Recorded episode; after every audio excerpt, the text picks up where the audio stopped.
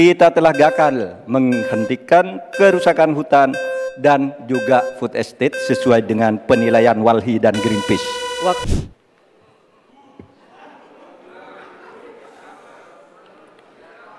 Saya lagi nyari jawabannya Prof. Mahfud. Saya tanya masalah inflasi hijau kok malah menjelaskan ekonomi hijau. Kita harus melakukan taubat ekologis. Taubat itu dimulai dari etika. Etika lingkungan dan etika pembangunan. Menanya, menanyakan masalah lingkungan hidup tapi itu kok pakai botol-botol plastik itu. Padahal saya Pak Ganjar, Prof Mahfud pakai botol kaca. Itu gimana itu komitmennya? Botol plastik semua itu. Inti dari pembangunan berkelanjutan adalah tidak ada satupun yang ditinggalkan. Dari petani, peternak, nelayan, masyarakat adat, dan seluruh kelompok-kelompok rentan lainnya. Pembangunan berkelanjutan jangan diabaikan, malah ngurusi kekuasaan yang berkelanjutan. Bencana kekeringan, banjir, kenaikan air laut ini ancamannya sudah ada di depan mata dan ini adalah ancaman yang sangat nyata. Hanya segelintir orang di bisnis sawit. Sementara para petani kita sebanyak 17 juta orang itu kalau dirata-ratakan itu hanya menguasai setengah hektar. Itulah sebabnya dulu ada reforma agraria yang ditugaskan kepada presiden. Oke, jadi tadi Closing statementnya seru ya. Closing statementnya seru. melepaskan beban akhirnya setelah menonton ini ya apa dapat kesan yang gimana atau dia udah pengen buru-buru selesai. Oke, ini nanti aku mau kasih pertanyaan soal pernyataan gitu ya, statement apa yang paling menonjol gitu ya dari tiap paslon. Tapi aku bagi ini paslonnya. Cuma nanti eh, masing-masing dari penanggap, dari Faris, dari Amel, dari Iqbal masih bisa menanggapi em, apa Yang dikatakan calon lain. ya. Ke Faris dulu. Statement yang dari paslon 01 ya dari eh, Caimin gitu, yang paling menonjol, yang paling wah ini nih gitu. Atau hmm, gitu bisa jadi kan gitu. Iya, iya, iya, iya. Silakan.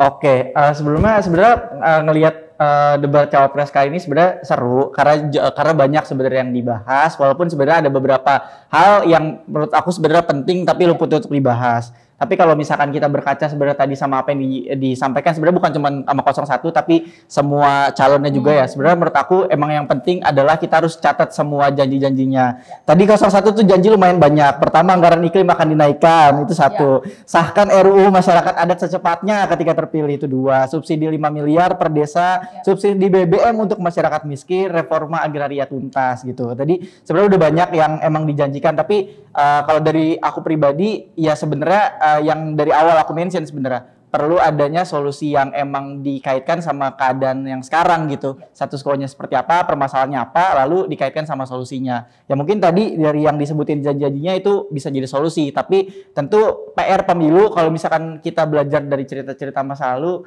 nafas perjuangannya agak panjang. Ketika mereka terpilih, perlu juga kita untuk terus mengingatkan, karena kalau misalkan kita nggak ngingetin, kadang mereka belaga lupa. Untungnya sekarang kan banyak eh, rekam jejak digital, jadi akan lebih memudahkan kita untuk bisa menagih janji-janji tersebut gitu. Tapi eh, kalau menurut aku ini jadi salah satu apa ya momentum untuk kita bisa menilai lah capres mana atau cawapres mana yang kira-kira lebih masuk sama apa yang kita inginkan di 2024 ke depan. Ada satu eh, istilah dari 01 soal bencana ekologis gitu ya yang itu tidak ada memang dari 02 sama 03. Tapi sayangnya bencana ekologis ini tidak dielaborasi gitu ya. Eh, tidak dielaborasi mau apa dari bencana ekologis ini. BNPB menunjukkan bencana ekologis atau yang disebabkan oleh manusia atau hidrometeorologis gitu ya. Itu mencap hampir 5000 nih. Tahun 2023 aja hampir 5000 dan 90 persennya itu adalah bencana yang diakibatkan oleh ulah manusia gitu ya. Nah, yang jadi persoalan adalah apa yang mau diselesaikan mereka gitu ya, dan itu nggak ada gitu. Nah, dan yang paling penting adalah ini juga menunjukkan bahwa perspektif pemerintahan kita dari ketiga-tiga ini ya itu masih ber- berperspektif daratan. Kita masih menggunakan land use. Nggak ada yang ngomongin soal bagaimana masyarakat di kepulauan, bagaimana masyarakat di pesisir. Perlu sangat digarisbawahi bahwa krisis iklim pertama kali akan berdampak pada masyarakat yang tinggal di pulau-pulau kecil dan pesisir karena diakibatkan oleh naiknya uh, permukaan air laut gitu. Dan itu tidak disinggung sama sekali gitu. Ini sebenarnya sangat uh, mengecewakan gitu ya. Ngomongin masyarakat adat juga tuh sebenarnya bukan hanya masyarakat adat yang di daratan, di wilayah-wilayah pesisir banyak masyarakat adat. Jadi ngomongin reforma agraria juga tidak hanya harus ngomongin petani gitu ya, tapi juga bagaimana uh, nelayan, bagaimana? uh, petani-petani garam gitu ya. Salah satu kenapa kemudian garam disebut petani garam itu karena mereka juga dianggap sebagai uh, uh, penghubung antara wilayah kostal dan wilayah daratan. Dan ini sama sekali kecil bahkan kayaknya nggak ada gitu ya.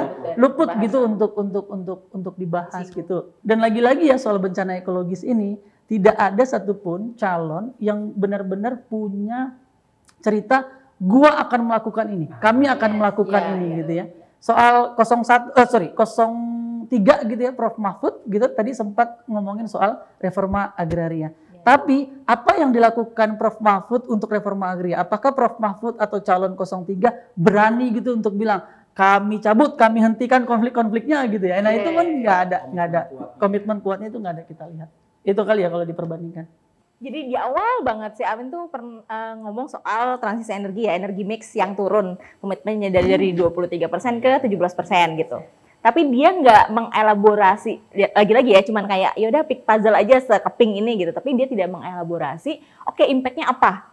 Berarti kita kan slow-slow aja dong, kita akan memperpanjang penggunaan energi fosil, yang energi kotor, yang impactnya pasti ke pangan, pasti ke air, pasti ke hutan juga gitu, pasti ke udara juga, pasti kepada kesehatan juga. Nah itu sama sekali nggak diadres tuh gitu. Saya kecewa juga sih karena demokratisasi energi sama sekali tidak disebutkan di situ gitu. Jadi ketika ngomongin soal transisi energi, mereka nggak bilang keadilan gitu ya bagi masyarakatnya seperti apa gitu uh, sepotong-potong gitu ketika ngomongin masyarakat adat gitu. Ada impact dari transisi energi terhadap masyarakat tapi itu tidak diadres gitu.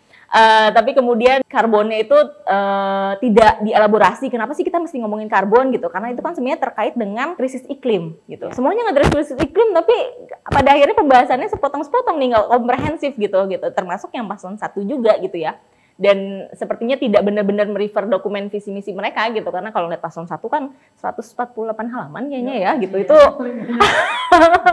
terelaborasi gitu ya gitu.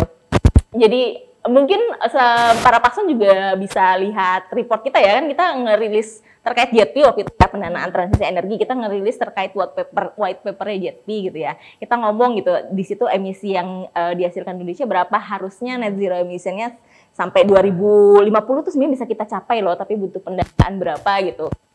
Kayaknya bisa tuh refer ke situ gitu dan bagaimana menghindari solusi-solusi palsu karena kita nyebutin juga tuh di riset solusi-solusi palsunya apa aja sih gitu. Itu masih ada di setiap paslon. Dengan bangga menyebut sisi US lagi, sisi US lagi. Padahal itu udah dari debat keberapa itu udah diangkat gitu di media.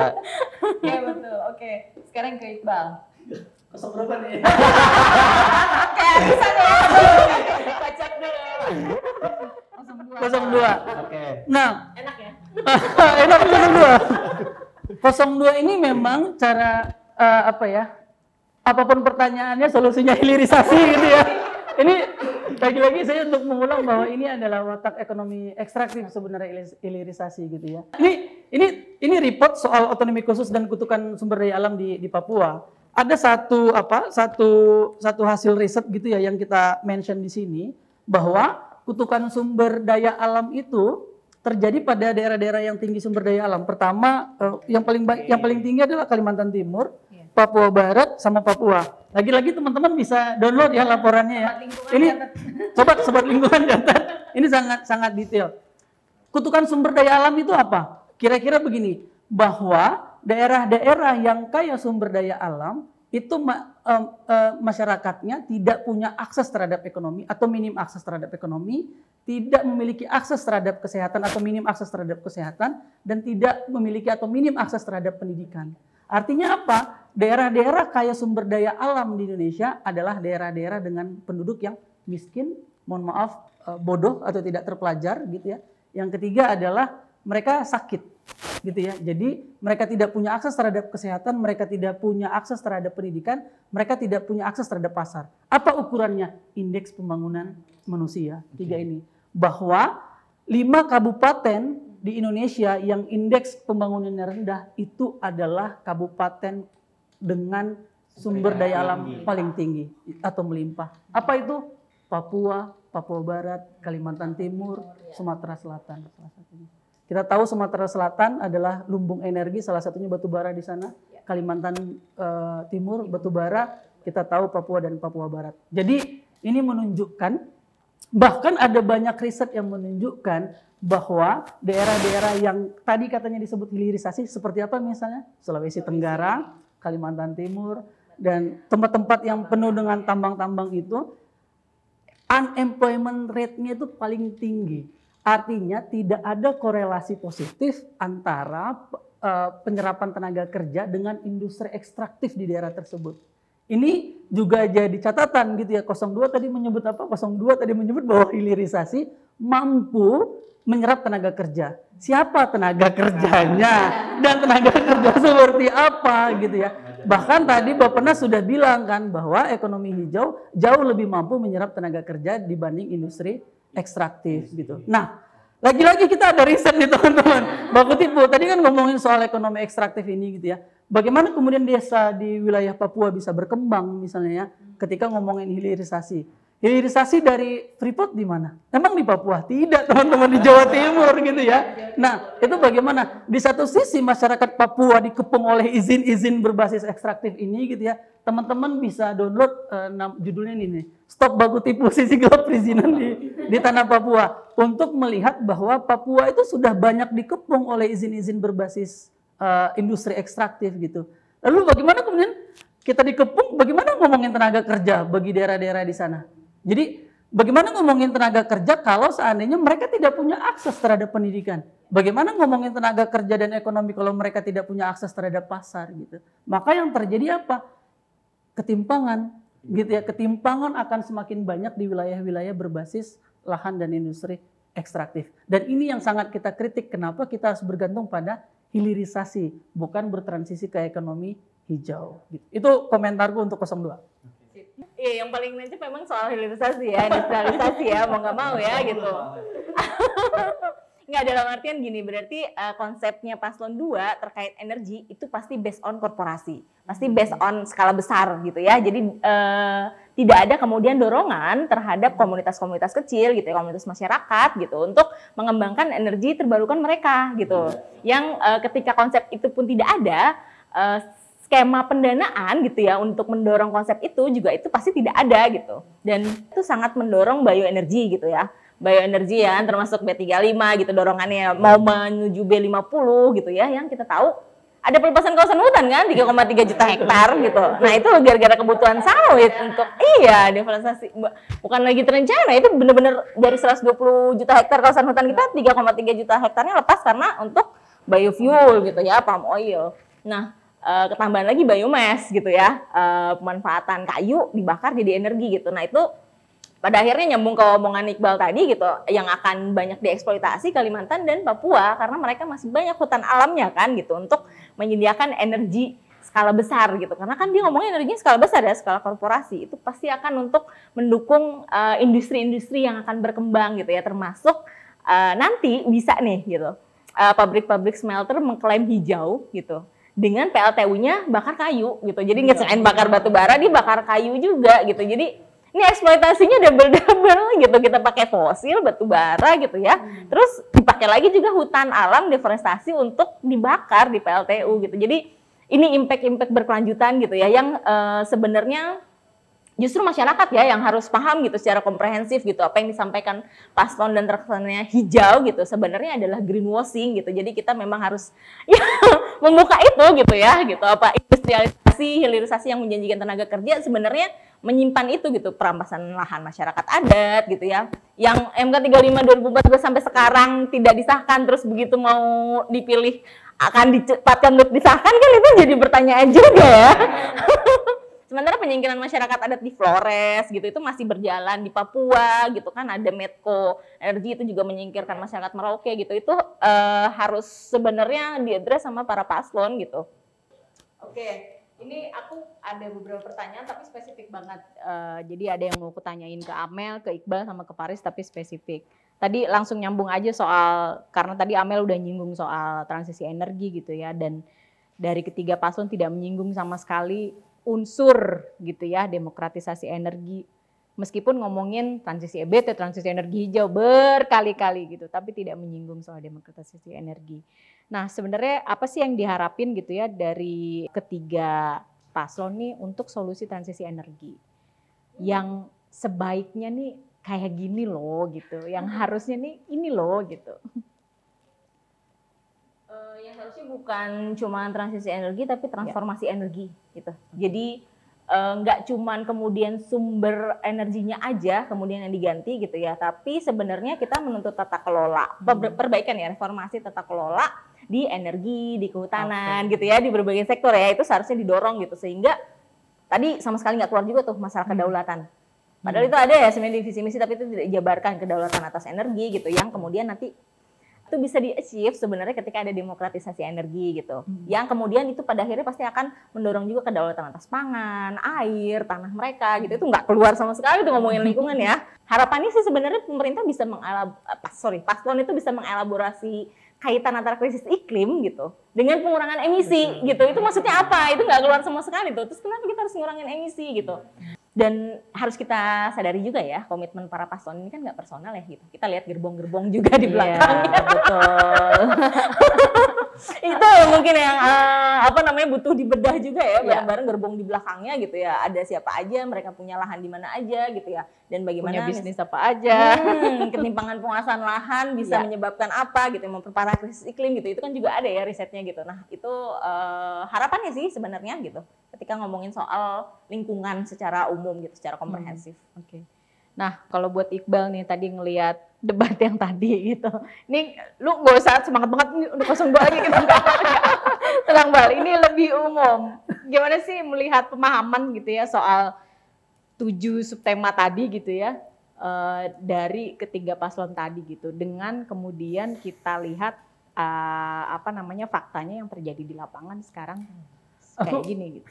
Uh, uh, pengen nyorotin yang reforma agraria ya hmm. dari Prof Mahmud tadi sempat ngomongin reforma agraria uh, bikin apa bikin lembaga uh, dia bikin lembaga kan mau bikin institusi soal reforma agraria. Ya, Sebenarnya ya. kita juga punya ada gugus uh, tugas reforma ya. agraria gitu dan sampai sekarang uh, belum jelas. Nah, reforma reforma agraria padahal ya, padahal dia bagian dari reforma agraria ya.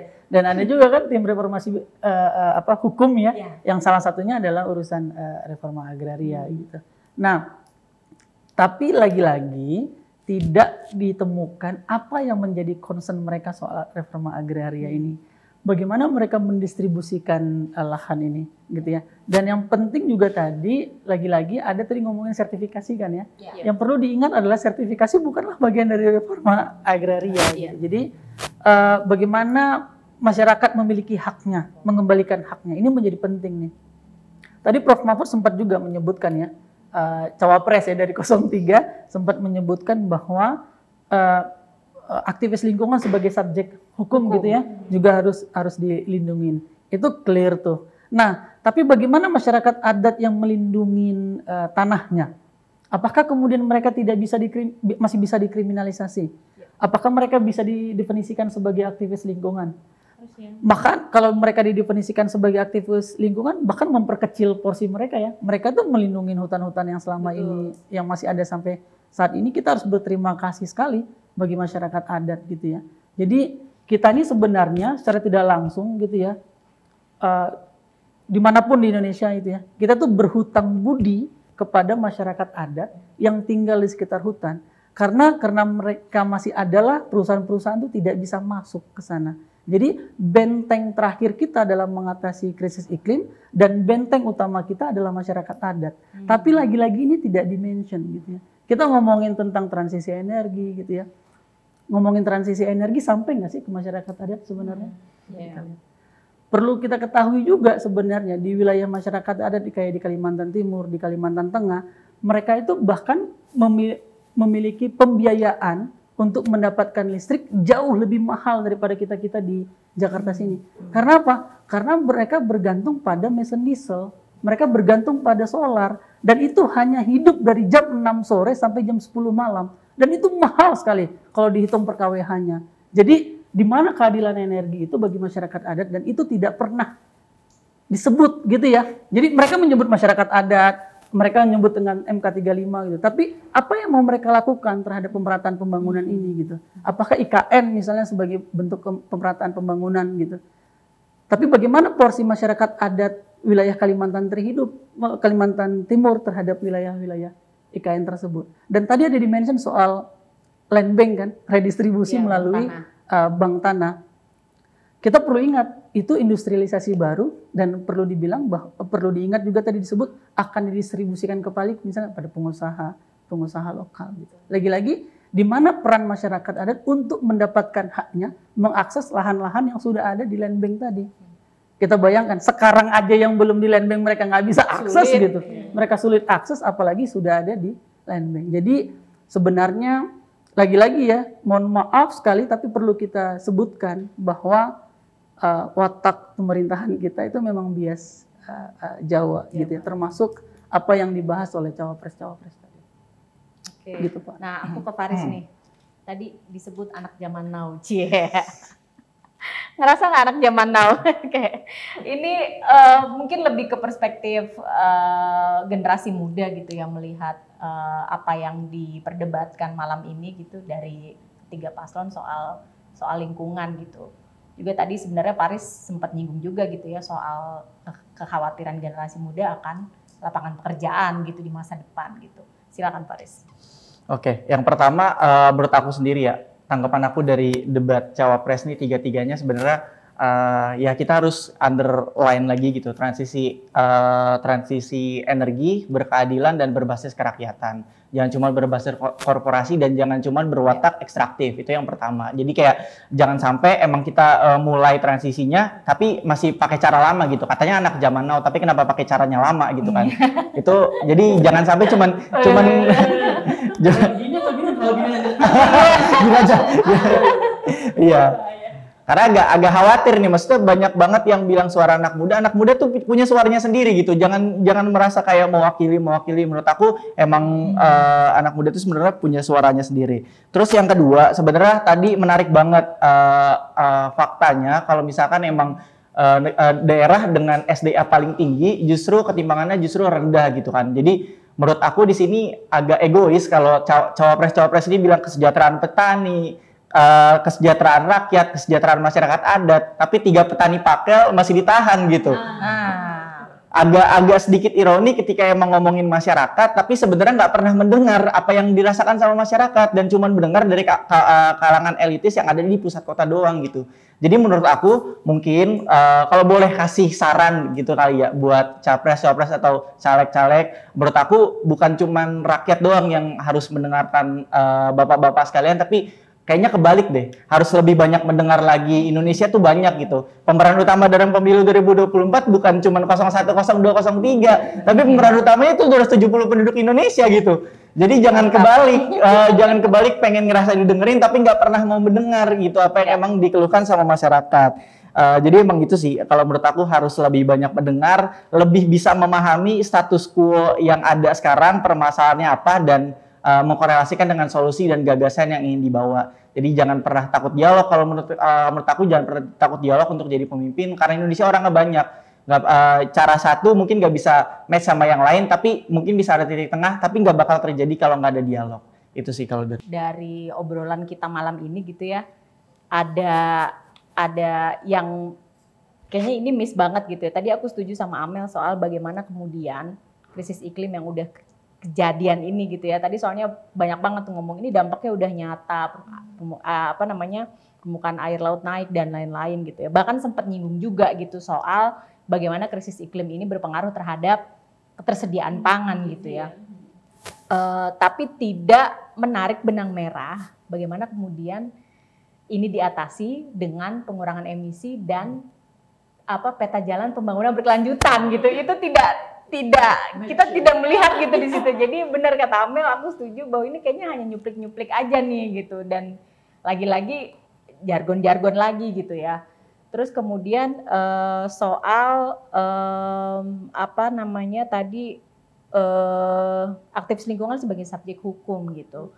Ini juga tidak menyinggung bagaimana kemudian sepanjang 2023 gitu ya banyak sekali apa namanya kriminalisasi aktivis gitu ya uh, pembungkaman gitu terhadap tidak hanya soal yang koar-koar gitu ya soal lingkungan gitu ya soal penyelamatan lingkungan tapi juga soal uh, demokrasi gitu ya soal hak asasi manusia gitu kita lihat bagaimana setahun kemarin abang kita dan mbak kita gitu ya abang Haris dan mbak Fatia kita nah, kita lihat ya selama banget. struggle banget gitu ya selama setahun kemarin mereka habiskan hanya untuk. di ruang persidangan untuk membuktikan bahwa mereka tidak bersalah gitu itu mestinya itu juga menjadi satu uh, isu penting yang seharusnya tidak lepas gitu ya dari pembahasan soal uh, tadi pengelolaan sumber daya alam, lingkungan hidup, energi dan lain-lain gitu. Sekarang kalau tadi mereka kasih closing statement, kita ada closing statement juga gitu. Jadi jangan mau kalah gitu. closing statementnya harus yang ya, gitu, harus yang nendang. Oke, silakan dari Faris dulu ke Iqbal terus ke Amel, silakan. Oke, ini kalau dari aku, uh, menurut aku sobat lingkungan, teman-teman yang emang nonton debat cawapres hari ini atau bahkan dari live-nya Greenpeace, uh, saran aku untuk bisa menjadikan uh, debat-debat capres cawapres sebagai salah satu uh, preferensi teman-teman untuk bisa menentukan pemimpin teman-teman tuh nanti mau siapa. Karena balik lagi, uh, menurut aku pribadi, pemeran utamanya di sini bukan Anies Baswedan, pemeran utamanya bukan Prabowo Subianto, pemeran utamanya bukan Ganjar Pranowo, tapi teman-teman semua. Pemeran utamanya tuh kita semua nih rakyat Indonesia. Jadi jangan sampai salah pilih karena kalau salah pilih susah pulih gitu. Mantap. Silakan. Nasib bangsa ini ke depan. Kayaknya cocok nih. Teman-teman, saat ini posisi bumi itu sudah tidak lagi sekedar panas gitu ya, tapi benar-benar sudah mendidih. Kita tidak punya waktu lagi gitu dan tidak ada planet lain selain planet bumi ini gitu ya. Cara berpikir yang sangat antroposentris atau berpikir tentang kepentingan manusia sudah tidak ada sudah tidak zamannya lagi gitu ya. Zaman now ini gitu ya berpikir soal bagaimana menjaga keberlangsungan umat manusia dan lingkungan uh, hidup sehingga kita perlu untuk memilih pemimpin yang benar-benar mempunyai visi misi dan program nyata dan jelas untuk mengatasi krisis iklim yang sebenarnya sudah terjadi saat ini. Gitu, Pak. Oke, terima kasih. Mel. Oh, Oke, okay. kawan-kawan, kita bukan tukang coblos gitu. Yang eh, dipanggil setiap lima tahun sekali gitu ya untuk nyoblos doang gitu. Dan saya rasa tidak boleh ada orang yang menduduki kepemimpinan gitu ataupun kemudian bisa mengambil keputusan besar ketika tidak uh, concern terhadap krisis iklim gitu. Dan percaya aku sepakat sih sama uh, kawan kita ini gitu bahwa um, yang jadi pilihan itu adalah kita gitu. Jadi pilihannya itu sebenarnya bukan 01, 02, 03 gitu karena after uh, pemilihan ini gitu kita akan nggak bisa rely nasib kita, takdir kita terhadap paslon-paslon tersebut gitu, tapi pada akhirnya terhadap diri kita sendiri gitu, bahwa tetap ada harusnya yang diperjuangkan gitu ya, tetap kita harus memikirkan tentang krisis iklim, tetap kita harus melakukan perubahan-perubahan gitu, jadi ya jangan jadi tukang coblos dan kita adalah pilihan itu harus kita yakini juga. Gitu. Oke, terima kasih banyak obrolan kita yang bernas, semoga sobat lingkungan nih nanti bisa benar-benar mencerna gitu ya, oh terus mendapatkan inspirasi kayaknya saya akan mencoblos yang ini gitu. Atau mungkin tidak mencoblos ya nggak nah, apa-apa juga gitu. Kita tidak itu pilihan diserahkan kepada sobat lingkungan. Tapi yang jelas semoga diskusi kita kali ini maksudnya memperkaya gitu ya. Setidaknya pengetahuan sobat lingkungan tentang memang apa yang terjadi dengan bumi kita gitu ya saat ini dan juga eh, apa namanya kenyataan di lapangan dan bagaimana kemudian kebijakan pemerintah mengatasi ini gitu ya. Jangan lupa juga aku mau ngingetin sobat lingkungan diskusi kita malam ini tuh nanti akan hadir di podcast ngobrol lingkungan di YouTube dan juga Spotify gitu. Nah, eh, setelah ini jangan leave dulu, kita akan dengerin jingle. Jadi Greenpeace akan ngeluarin jingle soal pemilu gitu ya. Nanti silakan didengarkan. Terus aku punya pantun nih buat penutup kita malam ini. Yeah. Nanti tolong dicakap gitu ya. Biar gue gak kentang gitu ya. Oke okay, ya. Oke okay, ini sebagai penutup malam ini. Pak Camat pakai baju putih. Cakep. Kalau masak pakai garam biar gurih. Cakep. Jangan sampai salah pilih. Nanti susah pulih. Baik, selamat malam. Selamat mendengarkan jingle.